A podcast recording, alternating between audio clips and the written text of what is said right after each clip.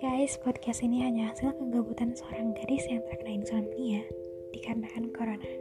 Oke, okay, jika kalian mengalami hal yang sama, kita bisa berbagi cerita di sini.